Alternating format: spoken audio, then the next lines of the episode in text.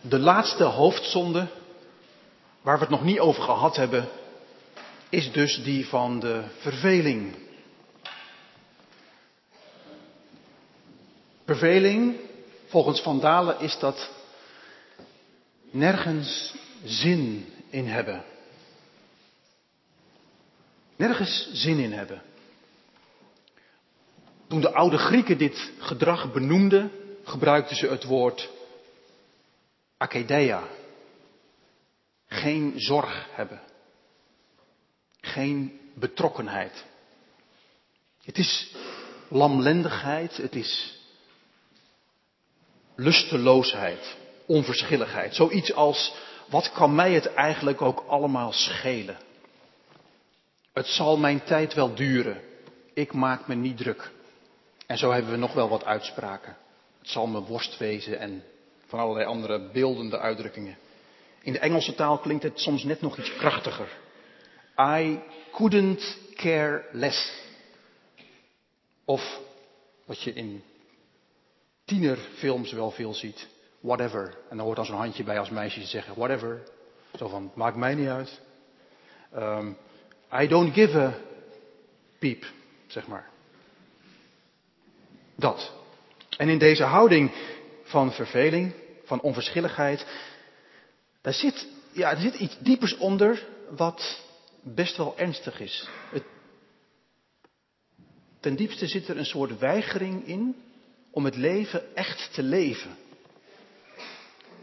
Je sluit je af voor van alles en nog wat. En uiteindelijk, als je die houding echt in je toelaat, is er weinig of niets meer dat je echt kan raken. Niet wat, niets wat goed is, maar ook niet iets wat slecht is of verdrietig. Je stompt af. Je vervlakt. Het gaat allemaal langs je heen. Het glijdt af. Het komt niet meer binnen. Het doet je eigenlijk, als je heel eerlijk bent, niks. En iets van die houding zijpelt onze samenleving binnen. Als je op verveling googelt, alleen al in het Nederlands, het woord verveling googelt, kom je op bijna een half miljoen hits. En de eerste twintig sites zijn tips tegen verveling op je werkplek, verveling op school, verveling in de vakantie. Leerkrachten en docenten vertellen dat in de top 10 van woorden die jongeren gebruiken, vrij hoog het woord saai staat. Nou, iemand die voor de klas staat, zal het herkennen. Je hebt een interessante les voorbereid en er een creatieve werkvorm bij bedacht. En je gaat voor die klas staan en je vertelt wat je van plan bent. En dan zijn er altijd wel een paar leerlingen die onderuitgezakt hun smartphone al uit hun broek halen en zeggen: saai. Zoals die twee mutsen daar op het weiland. Elke dag weer zeggen ze, pasbode Simon, wij vervelen ons, wij twee, dus jij moet iets verzinnen. Goeie imitatie, hè? Ik heb er echt, uh, soms voeren wij, wij voeren in ons gezin in de jaren dat we dat kijken soms hele gesprekken in deze taal. Is echt uh, een van onze gekkigheden. En nu kun je nog denken, nou ja, dat zijn dan tieners, dat gaat wel weer over. En gelukkig leven wij niet meer in de jaren 50, dus hebben we veel meer te doen. Toch is het maar de vraag of het alleen tienergedrag is en of het in onze tijd zoveel beter is. Wij hebben zoveel meer mogelijkheden gekregen en toch lijkt die houding van verveling en onbehagen, die boosheid onder, onder kiezers bijvoorbeeld, als in onze samenleving zich in te vreten. Iemand maakte eens een cartoon van de westerse mens anno 2000, laten we zeggen 16. En die tekende een kind met bergen speelgoed. En dat kind daar middenin met een lusteloze blik, de ogen al half dicht, dat zegt, ik weet niet wat ik moet doen. Ik heb nergens zin in. En zo werkt het misschien wel ook. Hoe meer je hebt, hoe meer dingen je hebt, hoe minder waard ze worden. Tot ze waardeloos worden. Wij hebben zoveel tot, onze beschikking in het rijke Westen. maar we worden soms zo weinig echt diep geraakt. Ik kwam al googelend een filosoof tegen die is gepromoveerd op verveling, misschien ook wel uit verveling. En hij zei, wij zijn collectief op de vlucht voor verveling. En een programma wat daar wel bij vaart is De Wereld Draait Door. Die elke aflevering weer, tien jaar lang al, iets super interessants, iets magnifieks, iets buitengewoons wil voorleggen aan de kijker. En de lat ligt elke uitzending weer iets hoger dan de vorige. En het is een van de meest bekeken programma's. We willen vermaakt worden. We willen interessante dingen zien. De gekste filmpjes. Maar, zegt die filosoof, en dan komt hij tot een diepere, dieper niveau, hij zegt, voldoening haal je niet uit het feit of dingen of mensen interessant zijn.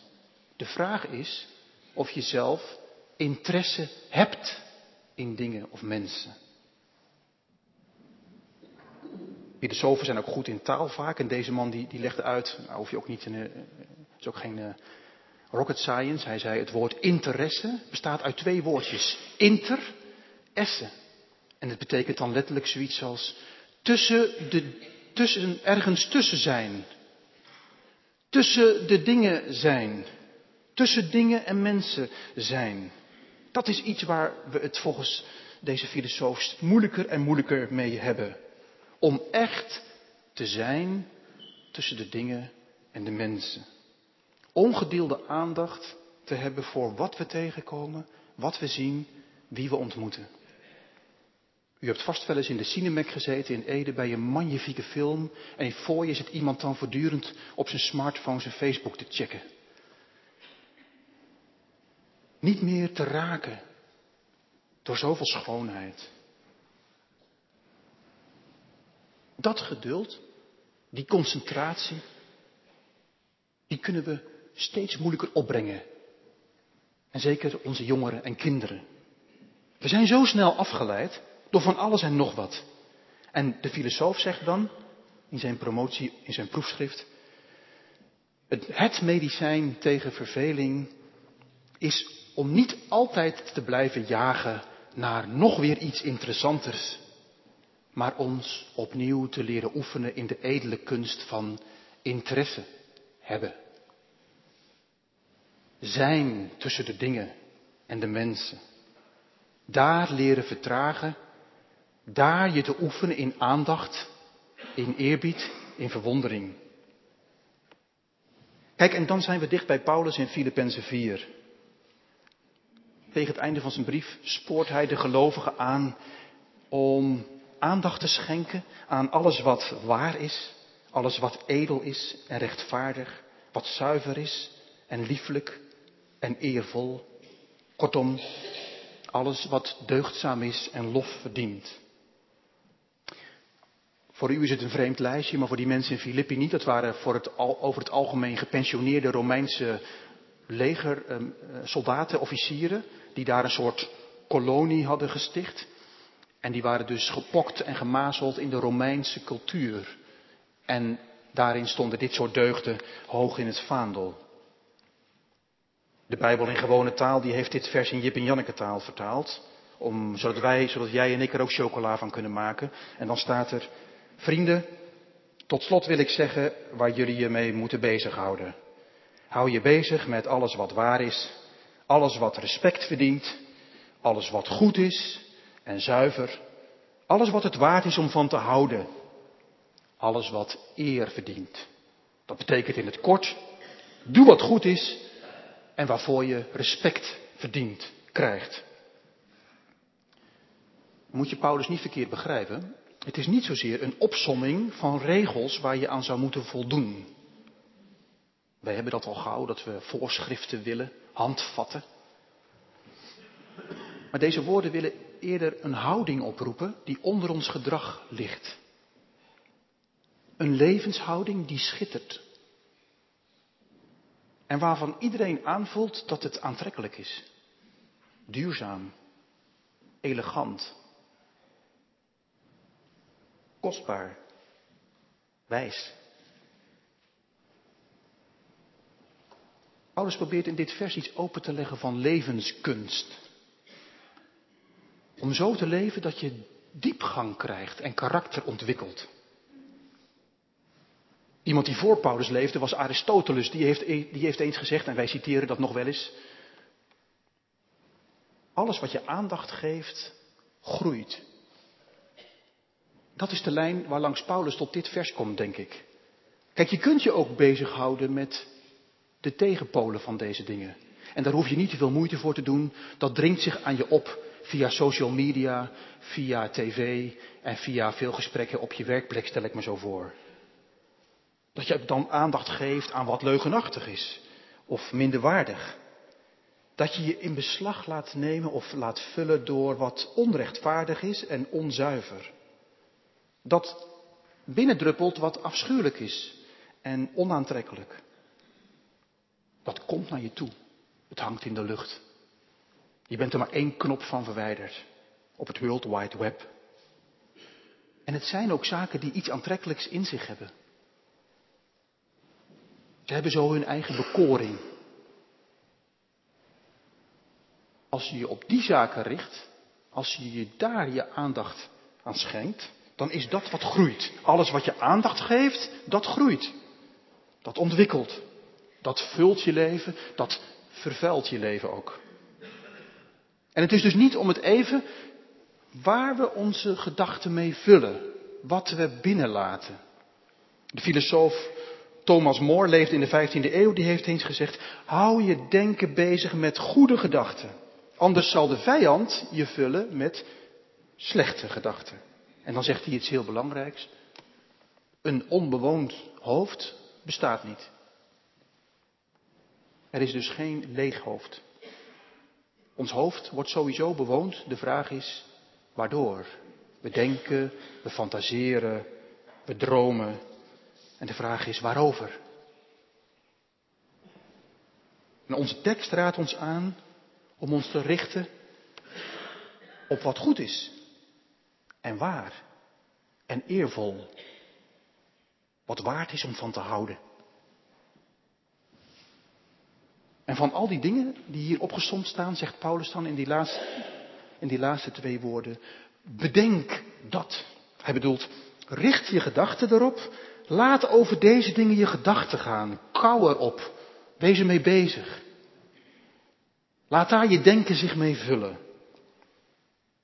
Je moet ze dus, er zit iets van inspanning in, je moet ze opzoeken, je moet ze verwerven, je moet ze je toe-eigenen. En in het volgende vers zegt Paulus dan, bedenk ze en doe ze. Doe er dan wat mee. Als je iets goeds op het spoor komt, vertaal het dan ook in gedrag. Verlies je niet in wonderlijk schone, zuivere idealen die nooit handen en voeten krijgen in je leven. Maar doe iets. Kom eens achter je schermpje vandaan, stop die smartphone eens weg en zet eens een stapje op een pad waarvan je weet, dit is de moeite waard. Dit gaat iets goeds opleveren. De zomervakantie is misschien wel een goede periode om ons wat nadrukkelijker te oefenen in deze houding. Een aandachtig en geïnteresseerd leven. Niet een leven wat bol staat van interessante dingen. Maar een leven dat zijn zin vindt in een geïnteresseerde houding. Een houding van oprechte belangstelling en interesse in de dingen die je ziet, de mensen met wie je bent. Een leven waarin niet de verveling toeslaat en niet de sleur insluipt. Houd dit vers in gedachten als je van de week of later je koffer pakt. Welk boek stop je erin? Of als je op Netflix een serie start of een film. Welke film is dat dan? Welke serie? En wat brengt het je van deze categorie? Begrijp me niet verkeerd, er zijn natuurlijk allerlei redenen om soms ook een lekker oppervlakkig, makkelijk, spannend, spannende page-turner te lezen. Maar probeer eens voor jezelf je af te vragen, zit er een bepaalde balans in wat bij mij binnenkomt? Is het allemaal makkelijk en leuk en licht verteerbaar? Of durf ik ook iets stevigers, iets beters, iets diepers, iets meer waars binnen te laten? En zet ik daar mijn tanden in? Richt ik daar mijn aandacht op? Het goede nieuws is dit. Deze levenshouding hoef jij, hoeft u niet uit uw tenen te halen. Want voordat dit vers klinkt, staan daar die prachtige versen. In vers 4 tot en met 6. Laat de Heer je vreugde blijven. Wees altijd verheugd. Ik zeg je nog eens een keer. Wees altijd verheugd. Laat iedereen je kennen als een vriendelijk mens. De Heer is nabij. Wees over niets bezorgd, maar vraag God wat je nodig hebt. En dank Hem in al je gebeden. Dan zal de vrede van God je gedachten, de vrede van God die alle verstand te boven gaat, je hart en je gedachten bewaren in Christus Jezus. Kijk, dat is de voedingsbodem waaruit deze houding van aandachtig en verwonderd leven, waar die in kan wortelen en kan groeien. De voedingsbodem van een constant volgehouden omgang met God. Dat je je in de stilte oefent om je diepste vervulling te vinden in je hemelse Vader, in Christus Jezus, door de Geest. Dat je je zegeningen elke dag even neerlegt voor God. Als briefjes. Heer, dank u wel. Wat zegent u mij uitbundig. Maar ook je zorgen. Als net zoveel briefjes misschien en je vragen. Heer, hier zijn ze. Hier zit ik mee. Dit geeft me stress, dit maakt me bang. En dat je zo iets van een innerlijke ruimte creëert om van daaruit aandachtig, niet verveeld, maar eerder verwonderd je weg te gaan. deze houding komt je niet aanwaaien. Je moet je er echt in oefenen. Dat zit in die twee woordjes, bedenk dat. Ik weet niet hoe het u vergaat in de vakantie, maar ik kom nog wel eens wat mensen tegen die tegen me zeggen, joh, dan vraag ik hoe was je vakantie? En dan zeggen ze, nou, en eerlijk gezegd zeg ik dat zelf ook wel eens. Het zijn niet mijn meest favoriete tijden van het jaar, want ik gedij het meest bij ritme. Bij mijn ding doen. En dat klinkt begrijpelijk. Maar wat eronder zou kunnen liggen is dit. Dat als wij even niks hoeven van onszelf, echt even niks hoeven te doen, als we dan in die leegte komen, dan kan dat heel ongemakkelijk voelen. Die momenten van verveling. En dan kun je twee dingen doen, stel ik me zo voor, de komende weken. Je kunt zeggen, jongens, we gaan iets interessants doen. Dat zou mijn tekst kunnen zijn. Dan beginnen mijn kinderen alweer te zuchten van, wat gaan we nou weer doen vandaag? Papa heeft weer een plan voor ons leven vandaag. We gaan iets interessants doen. Of je schiet al naar je werk. Je bent tegenwoordig maar één knopje van je werk verwijderd. Waarschijnlijk je mailbox is altijd in je broekzak. Ik ga even mijn mail checken, schat. Het zijn allemaal escapes om uit die leegte en die verveling weg te schieten naar of het één, interessant op interessant op interessant. Of weer terug naar dat waar je eigenlijk zoveel houvast aan ontleent, namelijk je werk. En dan ga je weer leven voor je werk. En de uitdaging is deze, als je deze woorden goed tot je door laat dringen. De uitdaging is voor u, voor u en voor jou, maar, en ook voor mij de volgende. Zou je het kunnen opbrengen om als er weer zo'n moment van verveling of leegte en echt even niks aanbreekt in je vakantie, om niet in, in het interessante te schieten? Ook niet per se terug naar je houvast in je dagelijkse gedoetjes, maar dat je dan probeert het te zien als een oefenmoment. En je even in die verveling het vol te houden. Even tot jezelf te komen. Weg bij wat je allemaal moet en wat je allemaal doet. En terug bij wie je bent. Terug bij ook wie je mag zijn. En vooral terug bij wie je zou mogen worden. Ik wens u een hele fijne zomervakantie. Amen.